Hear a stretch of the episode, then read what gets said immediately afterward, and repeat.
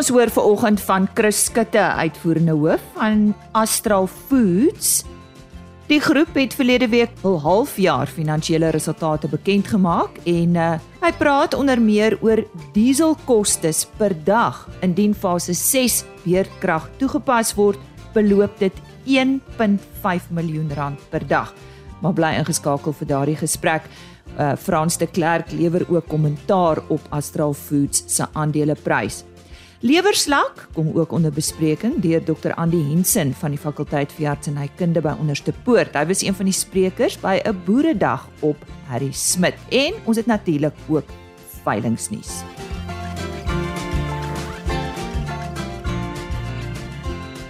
My naam is Lise Roberts en dit is waarna jy kan uitsien in RSG Landbou vandag. Dit is Maandag 29 Mei. Goeiemôre. Ek vertrou jou naweek was 'n hoogtepunt. Voor ons oor veilinge gesels, net nuus vanaf Agri Weskaap. Daar is 7 kandidate wat vanjaar meeding vir die titel as Agri Weskaap Santam Jongboer van die jaar. Vanaf vandag tot en met Donderdag 1 Junie word elke kandidaat op sy plaas besoek en dit is Christie van die Heever, 38 jaar oud, hy boer op die plaas Rietfontein in die Koue Bokkeveld met appels, pere, kersies, wingerd en beeste. Eben Schelling, 30 jaar oud, hy het 'n gemengde boerdery op Driefontein naby Mamasbury, boer hoofsaaklik met koring, canola en merinos. Johannes Erasmus, 33, boer in die Robertson omgewing met wyndrywe, sitrus, perskes en groente. Johan Swart, 30 jaar oud, boer in die Oeverberg distrik naby rivier sonder end met klein grane, dit is garskoring, haver en canola, as ook wolskape. Pieter Jansen Gildenhuys, 35, besit 'n gemengde boerdery in die Heidelberg distrik wat bestaan uit klein graan, koring, gars, canola en lucerne weiding, as ook 'n merino kudde. Richard Meiburg 31 boer met appels en pere naby Vyeboom in die Oeverberg distrik en dan ook Wimpie van die Kerk 32 bedryf hoofsaaklike saaiboerdery op Caledon as ook melkbeeste skape en appels en pere. Baie sterkte aan hierdie sewe kandidate wat dan vanjaar meeding vir die titel as Agri Weskaap Santam Jongboer van die jaar. En soos jy reeds bewus is, gesels ons altyd met elke provinsiale wenner en eersdaags ook met die Agri Noordwes Jongboer van die jaar. Daar is 'n hele paar veilinge wat in Junie maand plaasvind en ons begin op 2 Junie. Dit is nou Vrydag om 11:00. Ek het verlede week donderdag met Nick Serfontein hieroor gesels. Dit is die 45ste produksieveiling van Sernik Bonsmaras. Dis op die plaas Liebenbergstroom in die Edenwil distrik. Dan op 6 Junie Elerskroon Bonsmara se 35ste jaarlikse produksieveiling op die plaas Goedgedagd in die Delmas omgewing. Dan op 10 Junie die 17de produksieveiling van Molopo Ilde Frans Groep op Boereplaas Vakansieoord in Vryburg. Op 13 Junie Die algehele uitverkoping namens Dani Welman op die plaas Leeufontein, dit word gedoen deur Clive Gardner afslaers. Op 14 Junie die Braford Nasionale Veiling by the Bull Ring Auction House by Davel. Ook op 14 Junie Proveld Ponsmara se produksieveiling by die Vryburg skougronde Die afslaer is teens visser. En op 15 Junie Bristow Bonsmara se 51ste jaarlikse produksieveiling van Gavin Bistro by Bandelierkop in Limpopo en ek hoop om ook eersdaags met hom hieroor te gesels. Dit is dan veilings tot en met 15 Junie en ook vandag se veilingsnuus. 60000 now. At 60000 now my goodness. Astral Foods het verlede week hul halfjaar finansiële resultate bekend gemaak. Ons luister nou na 'n gesprek wat een van ons medewerkers Susan Maree gehad het met Chris Skutte, hul uitvoerende hoof kort nadat die resultate bekend gemaak is.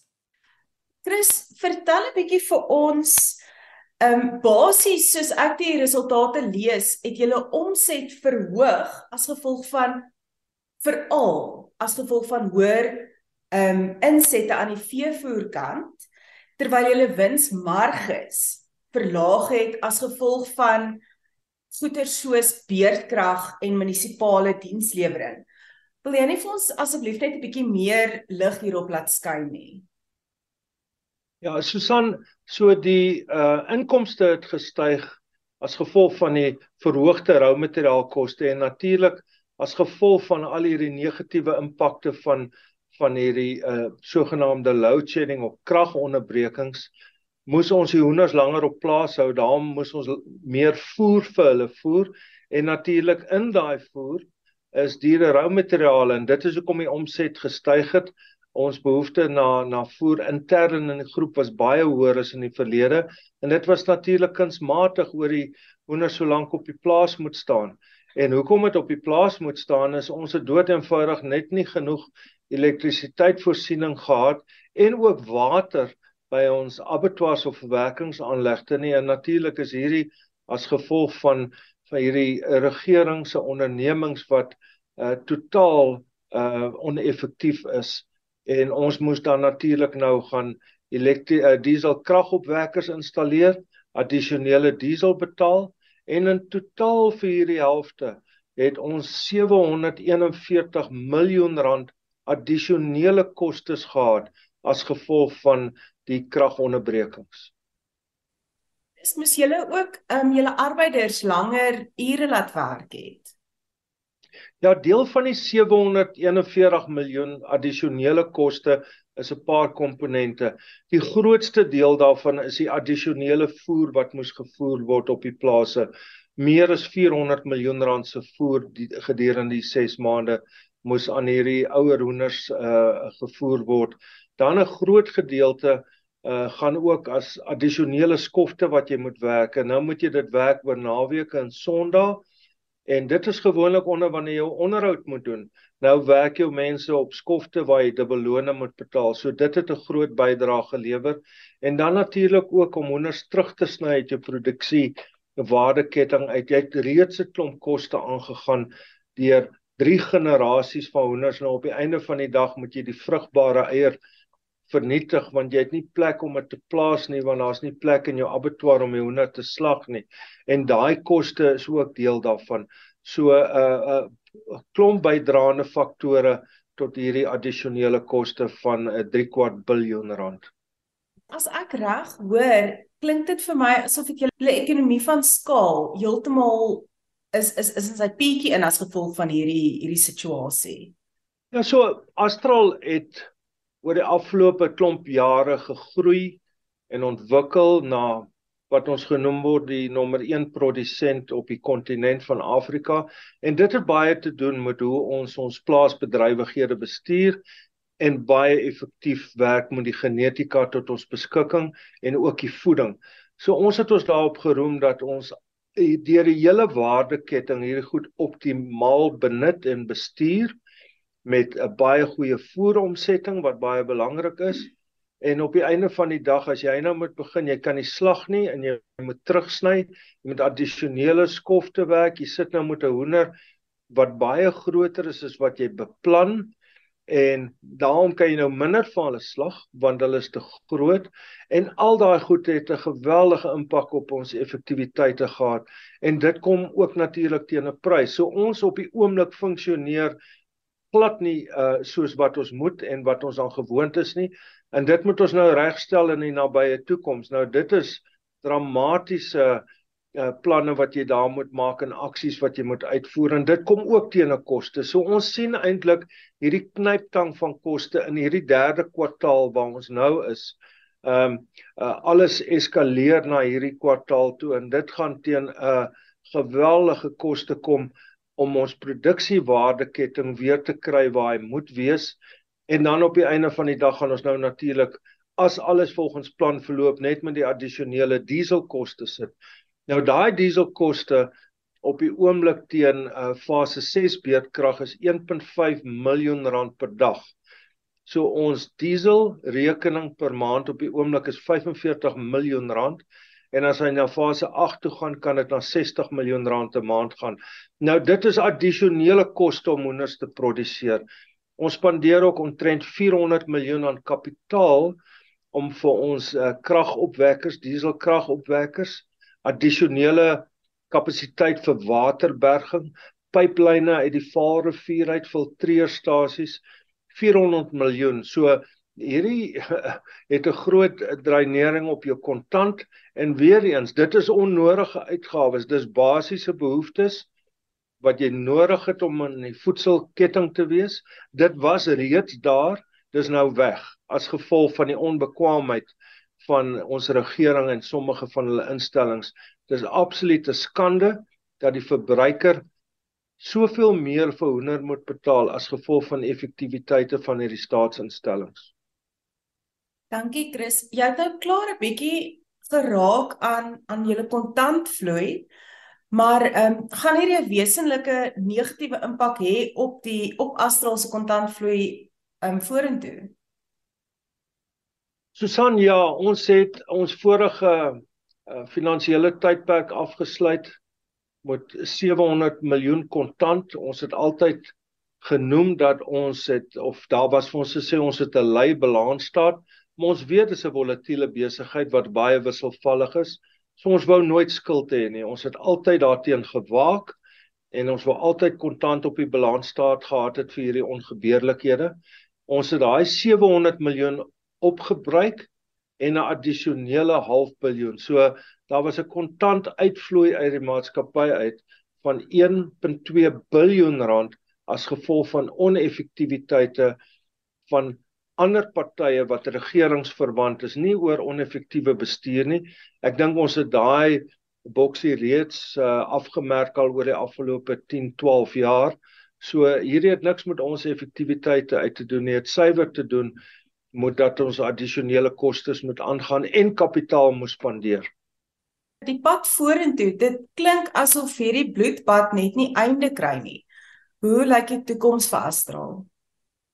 Wel dit dit is maar donker veral in die nabye toekoms. Dis nie 'n goeie situasie om in te wees nie. Ons is nie baie trots op onsself nie, ook nie op ons land nie. Daar's eintlik min op trots te wees behalwe hierdie klomp boere in Suid-Afrika wat aanhoudend maar net presteer en voedsel produseer en in die stadium kan ons dan darm sê dat ons genoeg voedsel vir al ons mense in die land produseer, maar dit kan dalk in gedrang kom as hierdie kostes vir 'n uitgebreide tyd op ons afforceer word. Feitelik alles wat ons doen ons industrie is gekoppel aan die uh, aan die dollar en op die oomblik is ons rand so swak al ons invoere kos baie duurder. Dis hoekom rou materiale uh op op uh, Safex duurder is as wat dit veronderstel is om te wees. Al die toerusting wat ons invoer is soveel duurder. So dit uh plaas ons in 'n knyptang. Is daar 'n einde daaraan? Wel ons sal dit self moet bewerkstellig. Niemand anders gaan dit vir ons doen nie. Verseker, geen hoop of vertroue in ons regeringsinstellings nie. So ons sal totaal onafhanklik moet kom. Dit gaan ons kapitaal kos en ons wil so gou as moontlik by 'n situasie kom waar ons nie water benodig deur munisipale infrastrukture nie en waar ons net op die basis 'n uh, kragvoorsiening van Eskom nodig het, die res sal ons self voorsien, maar ongelukkig teen 'n prys op die oomblik subsidieer ons die verbruiker en hoender moes in die stadium net om daai addisionele koste te delf moes ongeveer R3.20 duurder gewees het. Ons dra daai koste nie oor ons so goeie mense is nie, maar oor is baie moeilik is om te verhaal by die verbruiker wat onder geweldige druk is en ons is nie onsensitief daaroor nie. Maar vir hoe lank kan ons dit uithou? Voordat een van die land se grootste produsente in die moeilikheid is. So ons sal 'n paar planne moet maak. Ons is besig daarmee en ons hoop by die einde van September die jaar behoort ons in 'n beter posisie te hê, veral met 'n bietjie stiekkrag van van lae rou materiaal koste wat in ons uh, voeding ingaan. Susan Maree daar in gesprek met die uitvoerende hoof van Astral Foods, Chris Skutte. Ons het ook vir Frans de Klerk gevra, die finansiële analis, vir kommentaar op Astral Foods se aandeleprys. Goeiemôre Lize, weer so lekker om met jou te gesels en baie boere hou 'n maatskappy dop wat op die plaaslike mark genoteer is, Astral Foods. Dit is daardie groot maatskappy wat baie hoender uh, produkte vervaardig en hulle berei ook kuikens voor vir die mark as ook eiers. En baie boere kyk baie keer na Astral Foods om te kyk of die res van die voedselsektor swaar kry. Nou as 'n mens dan die weeklikse grafiek kyk van Astral Foods, dan kan 'n mens in gedagte neem dat hierdie maatskappy onder enorme druk verkeer as gevolg van beerkrag. Hulle het onlangs aangekondig dat hulle letterlik miljoene spandeer net om aan die gang te bly. Maar daar is iets baie interessants in die grafiek. In die grafiek sê vir ons dat die mark hou van Astral terwyl hy bo R150.30 beweeg. Nou omdat ek na 'n weekgrafiek kyk, dan sal beleggers altyd wag vir 'n Vrydag sluit. Maar bo hierdie R150 vlak wat ek nou net genoem het, is daar ongelukkig ook 'n waarskuwing ingesluit en dit is dat daar 'n aaklige kop en skouer besig is om te ontwikkel op die grafiek. Nou wat 'n kop en skouer beteken is, dis net so goed 'n man wat staan. Hy het 'n linkerskouer, hy het 'n kop wat uitstaan en hy het 'n regterskouer.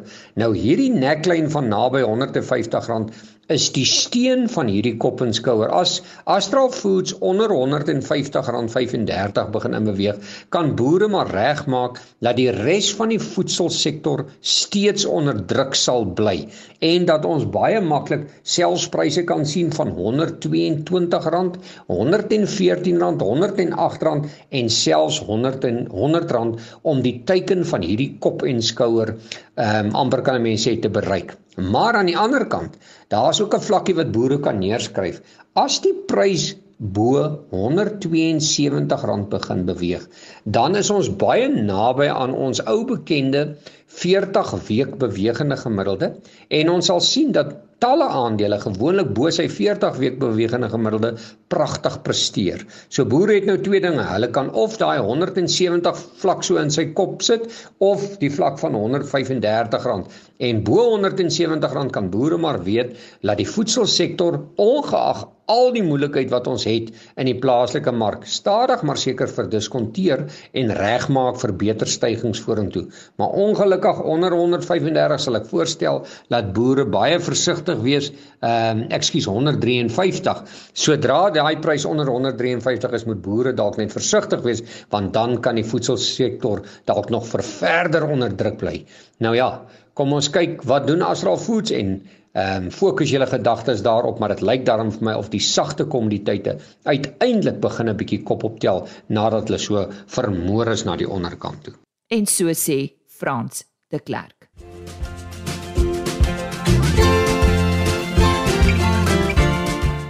Vir ons bydra oor lewerslak sluit ons nou aan by Isak Hofmeyer, die redakteur van die Veeplaas tydskrif en ook een van ons medewerkers in die Vrystaat. Dr. Andy Hensen uh van die fakulteit veeartsenykunde op onderste poort was 'n spreker hier op Harry Smit by 'n boeredag wat gegaan het oor lewerslakbeheer, maar maar Dr. Hensen is nie eintlik waar dit begin nie, nee, dit gaan eintlik oor lewergesondheid. Isak, ja, nee, definitief. So lewerslak is maar net een van die baie maniere wat die lewer vir ons wys daar's 'n probleem of 'n kondisie of 'n siekte, maar die lewergesondheid en al die belangrike funksies van die lewer die moet ons eintlik in ag neem, onderhou en ondersteun. Wat my opgeval het so in in in die lesings wat ons nou gehoor het die vandag is presies dit hoe wyd dit is. So waar begin 'n mens? Wat jy weet hoe hoe bestuur 'n mens die lewer dan nou? So as ons van hierdie siektes ken, soos die lewerslak, moet ons behandel dat daai lewer nie 'n skade kry nie. Strategiese periodes dit te doen. Ander siekte toestande sien ons soos vergiftigings ensovoorts wat 'n invloed op die lewer kan hê, dit vermy. So die antwoord of die kort antwoord is enigiets wat die lewer kan skade doen vir my of behandel.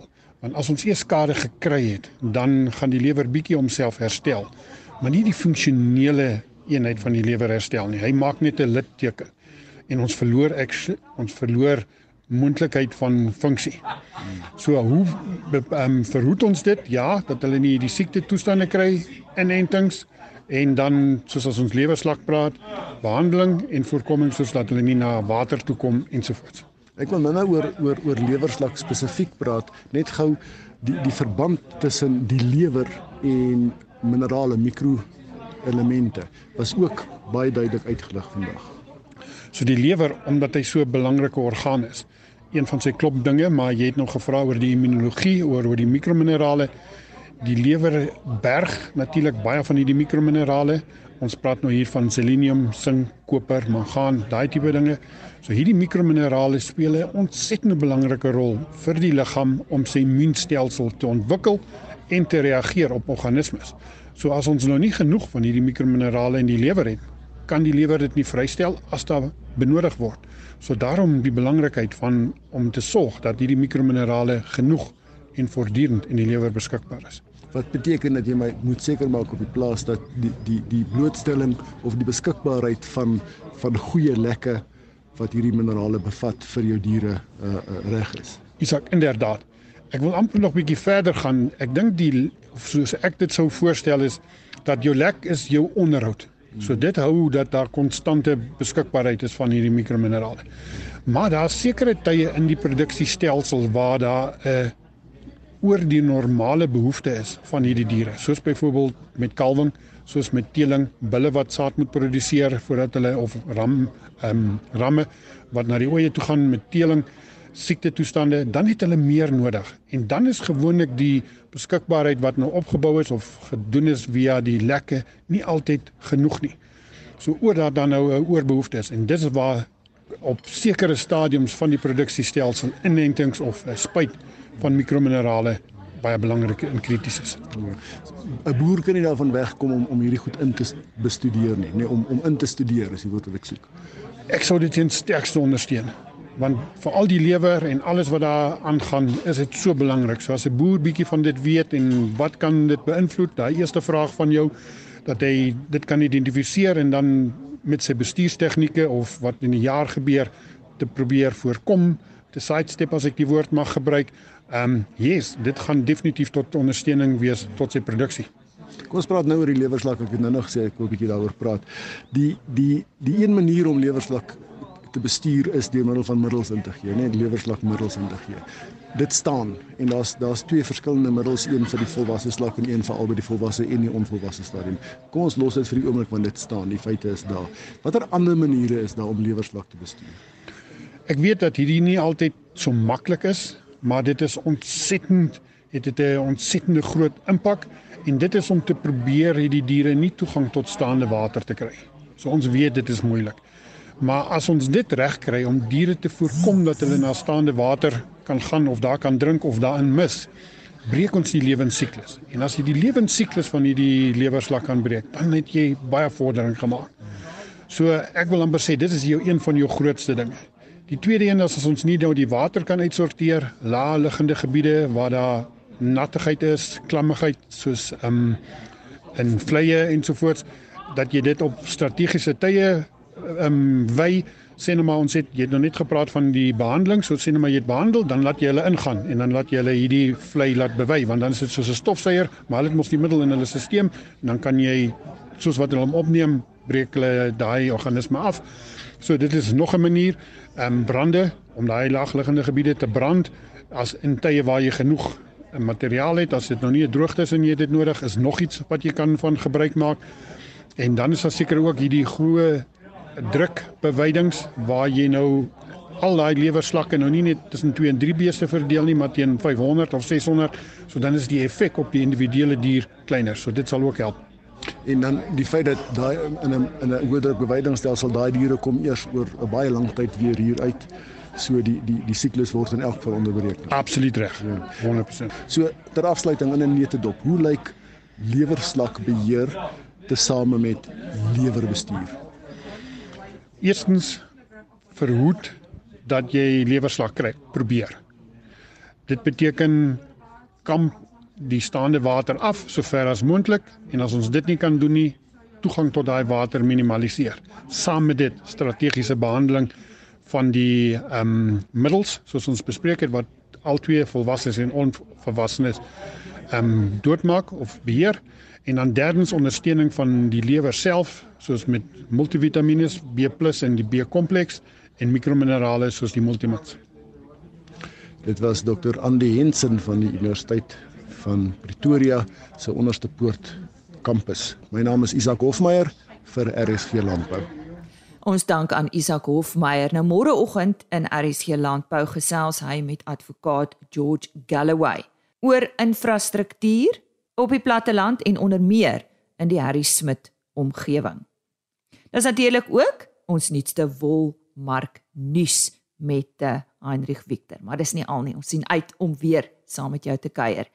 Net besonderhede oor RSG Landbou se onderhoude as ook die volledige program is beskikbaar op rsg.co.za. Soek net onder potgooi vir RSG Landbou en al die volledige programme word daar gelys.